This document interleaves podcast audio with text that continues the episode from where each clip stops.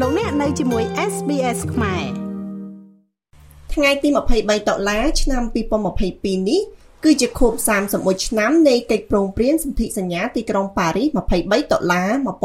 1991ដែលមានភាគីចំនួនកម្ពុជាចំនួន4បានចុះហត្ថលេខា នៅទីក្រុងប៉ារីសប្រទេសបារាំងដើម្បីបញ្ចប់សង្គ្រាមស៊ីវិលដ៏រ៉ាំរ៉ៃនៅកម្ពុជាដែលបានអូសបន្លាយអស់រយៈពេលជាង2ទសវត្សរ៍មក ឆ្នាំនេះដូចជាឆ្នាំមុនដែរគណៈកម្មការសម្ព័ន្ធខ្មែរដើម្បីកិច្ចព្រមព្រៀងសន្ធិសញ្ញាប៉ារីសអំពីកម្ពុជាបានរៀបចំពិធីរំលឹកខួប31ឆ្នាំនៃកិច្ចព្រមព្រៀងសន្តិភាពទីក្រុងប៉ារីស23ដុល្លារឆ្នាំ1991តើការប្រារព្ធនេះមានសារៈសំខាន់បែបណាសម្រាប់ប្រជាជនកម្ពុជាលោកអ៊ីនណាតប្រធានសម្ព័ន្ធខ្មែរដើម្បីកិច្ចព្រមព្រៀងសន្តិភាពប៉ារីសអំពីកម្ពុជាមានប្រសាសន៍ថា គោលការណ៍ដែលយើងធ្វើពិធីប្រពខួប31ឆ្នាំនៃកិច្ចព្រមព្រៀងសន្តិភាពទីក្រុងប៉ារីសនេះគឺដល់យើងទាំងអស់គ្នាបានដឹងហើយថាកិច្ចព្រមព្រៀងសន្តិភាពទីក្រុងប៉ារីសនេះវាជាកិច្ចព្រមព្រៀងជាប្រវត្តិសាស្ត្រសម្រាប់ប្រទេសកម្ពុជាយើងដែលមិនដែលមានទេសូម្បីតែកិច្ចព្រមព្រៀងនៅក្នុងពិភពលោក វាមិនមានសារៈសំខាន់ដូចជាកិច្ចព្រមព្រៀងនេះដែរអឺ កិច្ចព្រមព្រៀងនេះហើយដែលបានធ្វើឲ្យ គណៈបកធ្វើសង្គ្រាមខ្មែរទាំង4នឹងរួបរวมគ្នាសាមគ្គីភាពគ្នាដើម្បីបញ្ចប់សង្គ្រាមដ៏រ៉ាំរ៉ៃដ៏ឈឺចាប់ដែលបង្កជាសោកនាដកម្មហើយការប្រពខូបលើកទី31នៃកិច្ចព្រមព្រៀងនេះគឺថាដើម្បីជាការក្រើនរំលឹកដើម្បីកុំឲ្យប្រជាជនយើងភ្លេចអំពីសារៈសំខាន់នៃកិច្ចព្រមព្រៀងសន្តិភាពទីក្រុងប៉ារីសហើយឲ្យយើងបន្តដំណើរការពារកិច្ចព្រមព្រៀងនេះព្រោះថាលុះត្រាតែកិច្ចព្រមព្រៀងនេះនៅមានជីវិតរស់រវើកទៅមុខទៀតនោះទៅប្រទេសកម្ពុជាអាចនឹងមានការអភិវឌ្ឍនិងការធ្វើដំណើរធ្វើដំណើរទៅតាមភាពត្រឹមត្រូវមានលទ្ធិប្រជាធិបតេយ្យមានការគោរពសិទ្ធិមនុស្សអីជាដើមហើយជាពិសេសនោះគឺការឯកភាពជាតិបូរណភាពដែនដីអធិបតេយ្យនិងឯករាជ្យភាពជាតិអឺកាលណាយើងមានទាំងអស់នេះគឺយើងអាចធ្វើការអភិវឌ្ឍប្រទេសកម្ពុជាប្រទេសកម្ពុជាអឺ អាចជឿនលឿនទៅមុខបាននិងការអភិវឌ្ឍសម្រាប់ខ្មែរទាំងអស់គ្នា គឺមិនមែនសម្រាប់តែបុគ្គលសម្រាប់តែអ្នកមានអំណាចឬក៏អ្នកមានធនធានដែលយើងបានមើលឃើញដូចជាបច្ចុប្បន្ននេះជារៀងរាល់ឆ្នាំគឺយើងតែងតែរៀបចំកម្មវិធីនេះឡើងដោយខ្ញុំបានជម្រាបខាងដើមអញ្ចឹងគឺថាវាសំខាន់ណាស់ដែលយើងត្រូវតែរំលឹក ឲ្យប្រជាជនយើងបានដឹងឮបាននឹងចូលរួមក្នុងការការពារកិច្ចព្រមព្រៀងនេះហើយយើងដឹងថាកាលណាយើងយល់ដឹងនឹងខ្លឹមសារនៃកិច្ចព្រមព្រៀងនេះគឺយើងអាចការពារខ្លួនយើងការពារគ្រួសារសង្គមនិងជាតិរបស់យើងព្រោះថាកិច្ចព្រមព្រៀងនេះគឺវាជួយដល់យើងគ្រប់បែបយ៉ាង ជួយដល់ប្រទេសកម្ពុជាគ្រប់បែបយ៉ាង លោកបណ្ឌិតសេងសារី មានប្រសាសន៍ថា ថ្ងៃ23ដុល្លារឆ្នាំ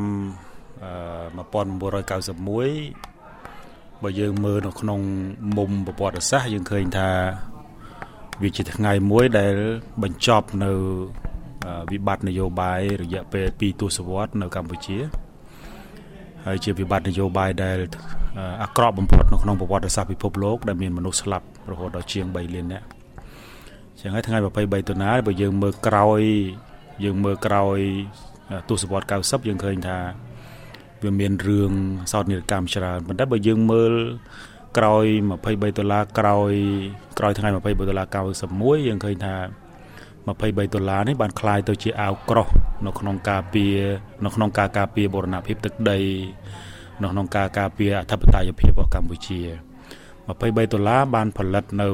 សមិទ្ធផលសំខាន់មួយ គឺការបោះឆ្នោតឆ្នាំ93ដែលអាចធ្វើឲ្យអ្នកនយោបាយគ្រប់ភាគីនឹងមានឱកាសនៅក្នុងការប្រកួតប្រជែងនយោបាយគ្នានឹងនៅលើសាវៀនបោះឆ្នោតពីមុនមកយើងឃើញថាអ្នកនយោបាយកម្ពុជាដោះស្រាយបញ្ហានយោបាយដោយចុងកណ្ដុងក៏ប៉ុន្តែនៅពេលដែលយើងក្រោយពីការចរចាឆ្នាំ91 23ដុល្លារឆ្នាំ91យើងឃើញថាអ្នកនយោបាយងាកមកប្រកួតប្រជែងគ្នានៅតាមរយៈការបោះឆ្នោតទោះបីជាការបោះឆ្នោតនឹងមិនទាន់អឺមិនទាន់ទទួលស្គាល់ឬក៏មិនទាន់ពេញចិត្តមនុស្សទូទាំងទូទាំងប្រទេសទូទាំងពិភពលោកពីអន្តរជាតិអីក៏ដោយក៏ប៉ុន្តែជាការចាប់ផ្ដើមដែលល្អហើយអ្វីដែលសំខាន់បច្ចុប្បន្ននេះយើងឃើញថារយៈពេល30ឆ្នាំនេះវាហាក់ដូចជា រៀងក្រិនបន្តិចទៅវិញដោយសារតែម្ចាស់ភៀកគីឬក៏ម្ចាស់ហត្ថលេខីមួយចំនួនហ្នឹងហាក់ដូចជាចង់បំភ្លេច23ដុល្លារចោលអានឹងទី1ទី2គោលការណ៍ដែលមាននៅក្នុងកិច្ចព្រមព្រៀងទីក្រុងប៉ារីសឆ្នាំ1991ហ្នឹងអ្នកនយោបាយកម្ពុជាបច្ចុប្បន្នហ្នឹងហាក់ដូចជាដើរងាកចេញពីគោលការណ៍ទាំងនោះអឺទាំងគណៈបកកណ្ដាលអំណាចទាំងគណៈបកប្រឆាំងគណៈបកកណ្ដាលអំណាចហាក់ដូចជា ប្រើប្រាស់យន្តការនៃការបោះឆ្នោតឬក៏ព្យាយាមបំភ្លេចថ្ងៃ23ដុល្លារឆ្នាំ1991ដោយឡែកអ្នកដែលជាអ្នកតស៊ូប្រកួតប្រជែងជាមួយនឹងគណៈបកកណ្ដាលអំណាចហ្នឹងក៏ហាក់ដូចជាអស់សង្ឃឹមទៅលើទៅលើការចូលរួមប្រកួតប្រជែងចាំការបោះឆ្នោតហើយបែរជាងាកចង់បង្កើតឲ្យមានមហាបាតកម្មជាដើមដែលងាកចេញអំពីស្មារតី24ដុល្លារឆ្នាំ91ដូច្នេះហើយការប្រព ពិធីរំលឹកខួបអីជាដើមនេះគឺជាការភ្ញូចអារម្មណ៍ទៅដល់អ្នកនយោបាយឲ្យឃើញថាសសរស្ដំឬក៏សសរគ្រឹះនៃ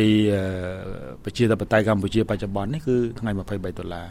អញ្ចឹងចង់មិនចង់ពួកគាត់ត្រូវតែព្យាយាមធ្វើម៉េចកុំងាកឆ្ងាយចេញពីគោលការណ៍ដែលមានចែងនៅក្នុងសន្និសីទទីក្រុងប៉ារីសឆ្នាំ1991នឹងពេកបើមិនអញ្ចឹងទេវានឹងធ្វើឲ្យពួកគាត់អាចប្រឈមនឹងការ រិចរិលជីវិតនយោបាយដូចអ្វីដែលគាត់ព្យាយាមធ្វើឲ្យ23ដុល្លារនឹងរិចរិលដែរបាទចាចំណែកអ្នកចូលរួមនៅក្នុងកម្មវិធីនេះក៏មានសេចក្តីសប្បាយរីករាយហើយក៏រំពឹងថាកម្មវិធីនេះនឹងមានតម្លៃសម្រាប់ប្រជាជាតិខ្មែរសម្រាប់ខ្ញុំមូលហេតុដែលខ្ញុំមកចូលរួមនៅក្នុងថ្ងៃនេះគឺជាថ្ងៃកម្មវិធីសម្ព័ន្ធខ្មែរដើម្បីប្រជាធិបតេយ្យកិច្ចព្រមព្រៀងសន្តិភាពទីក្រុងប៉ារីសព្រោះនាងខ្ញុំមិនចង់ឲ្យ ថ្នាក់ដឹកនាំនៃប្រទេសកម្ពុជាលុបបំបាត់ចោលនៅសន្តិភាពទីក្រុងប៉ារីសដែលមានតម្លៃបំផុតសម្រាប់ប្រទេសកម្ពុជាព្រោះថាមានថ្ងៃនេះមានមានកិច្ចព្រមព្រៀងទីក្រុងប៉ារីសទៅធ្វើឲ្យប្រទេសកម្ពុជាយើងមានសន្តិភាពដល់ថ្ងៃនេះប្រសិនបើខ្មែរយើងគ្រប់រូបបំភ្លេចចោលនៅសន្តិភាពទីក្រុងប៉ារីសនេះប្រៀបដូចជាយើង កំពុងតែដើរថយក្រោយទៅរកគ្រោះថ្នាក់កាលពីអតីតកាលចា៎ ខ្ញុំថ្ងៃនេះខ្ញុំរីករាយសប្បាយចិត្តនឹងចូលរួម នៅកម្មវិធីសព័ន្ធខ្មែរដើម្បីកិច្ចប្រឹងប្រែងសន្តិភាពប៉ារីនៅកម្ពុជាពីកម្ពុជាចានឹងហើយនាងខ្ញុំចង់បានយុត្តិធម៌ជាធិបតេយ្យសេរីភាព នាងខ្ញុំមិនឲ្យ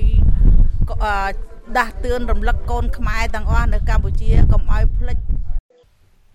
ចាក់ក៏សូមបញ្ជាក់ផងដែរថាកាលពីឆ្នាំ2020រដ្ឋាភិបាលកម្ពុជាក៏បានដកទិវាសន្ធិសញ្ញាសន្តិភាពទីក្រុងប៉ារីស23ដុល្លារនេះចេញពីប្រតិទិននៃថ្ងៃបុណ្យឈប់សម្រាកជាសាធារណៈរួមជាមួយនឹងពិធីបុណ្យមាឃបូជាទិវាកុមារអន្តរជាតិ1មិថុនានិងទិវាបុណ្យសិទ្ធិមនុស្ស10ធ្នូផងដែរចង់ស្ដាប់រឿងរ៉ាវបែបនេះបន្ថែមទៀតទេ ស្ដាប់នៅលើ Apple Podcast Google Podcast Spotify ឬកម្មវិធីដទៃទៀតដែលលោកអ្នកមាន។